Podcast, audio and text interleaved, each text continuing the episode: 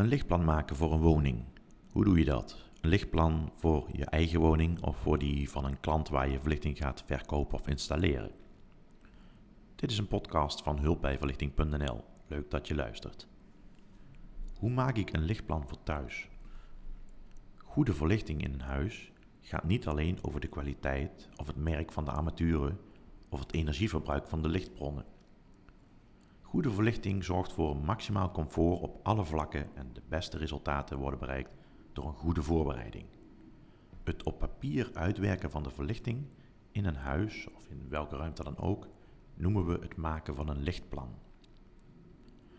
Bij het maken van een lichtplan denken we na over de indeling van het huis.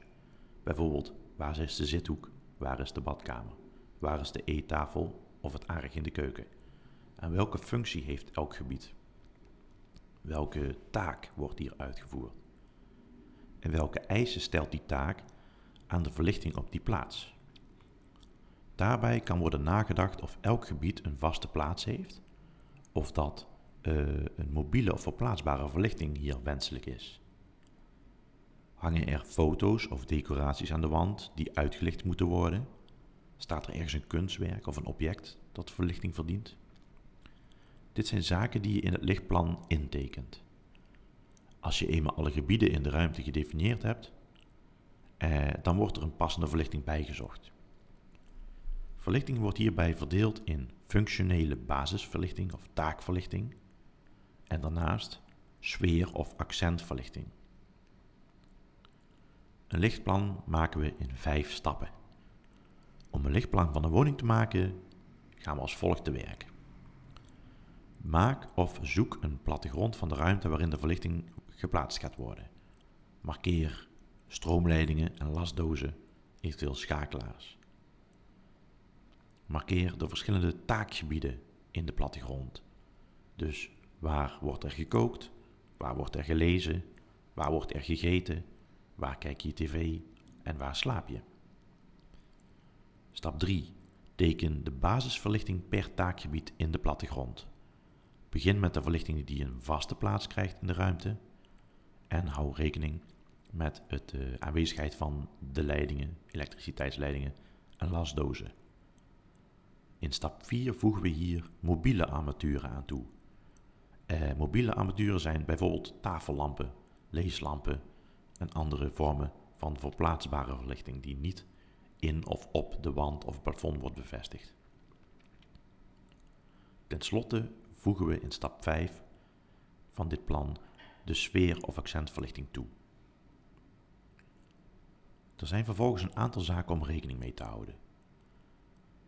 Onder andere dat we willen beperken dat mensen verblind worden door het licht. Of dus uh, vraag jezelf af of iemand ergens recht in een lichtbundel kan kijken. Denk aan schaduwval. Enerzijds door uh, objecten in de ruimte, maar ook door de mensen zelf in de ruimte. Wanneer je verlichting van bovenaf uh, laat plaatsvinden, kan het zijn dat je jezelf, dat je met je eigen lichaam een schaduw gaat werpen en je dus uiteindelijk niks aan die verlichting hebt. Daar kun je rekening mee houden. Denk na over de gewenste lichtkleur. Wil je warm wit of juist neutraal wit licht? Want dat geeft een totaal andere sfeer, maar ook een hele andere toepassing. Bij neutraal wit licht kun je makkelijker werken en heb je een beter beeld van kleuren en uh, natuurgetrouwe weergave ervan.